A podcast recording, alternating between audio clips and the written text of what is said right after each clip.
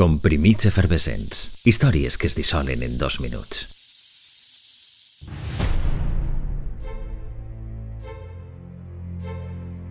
Hi ha poques pel·lícules que s'emporten alhora tantes galtades com aplaudiments.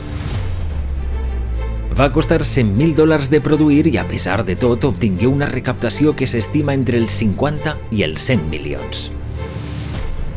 Un 8 de febrer s'estrenava una pel·lícula impecable i innovadora des del punt de vista tècnic, però molt qüestionable pel que fa al seu argument. El naixement d'una nació. En realitat és la desgastada història de dos famílies durant la Guerra de Secessió nord-americana. Però altra cosa ben distinta és que el seu director, David Walt Griffith, aborda l'assumpte des d'un punt de vista supremacista on els afroamericans són retratats com alcohòlics, malfaeners i, en definitiva, com un problema per als blancs que justifica l'existència d'aberracions com el Ku Klux Klan.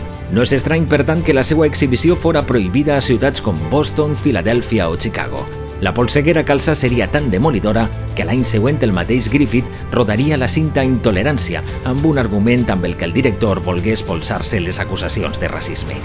D'altra banda, quan es parla d'este llargmetratge sense entrar en l'argument, són tot joances. Griffith va desplegar una gran varietat de recursos narratius i tècnics que farien escola.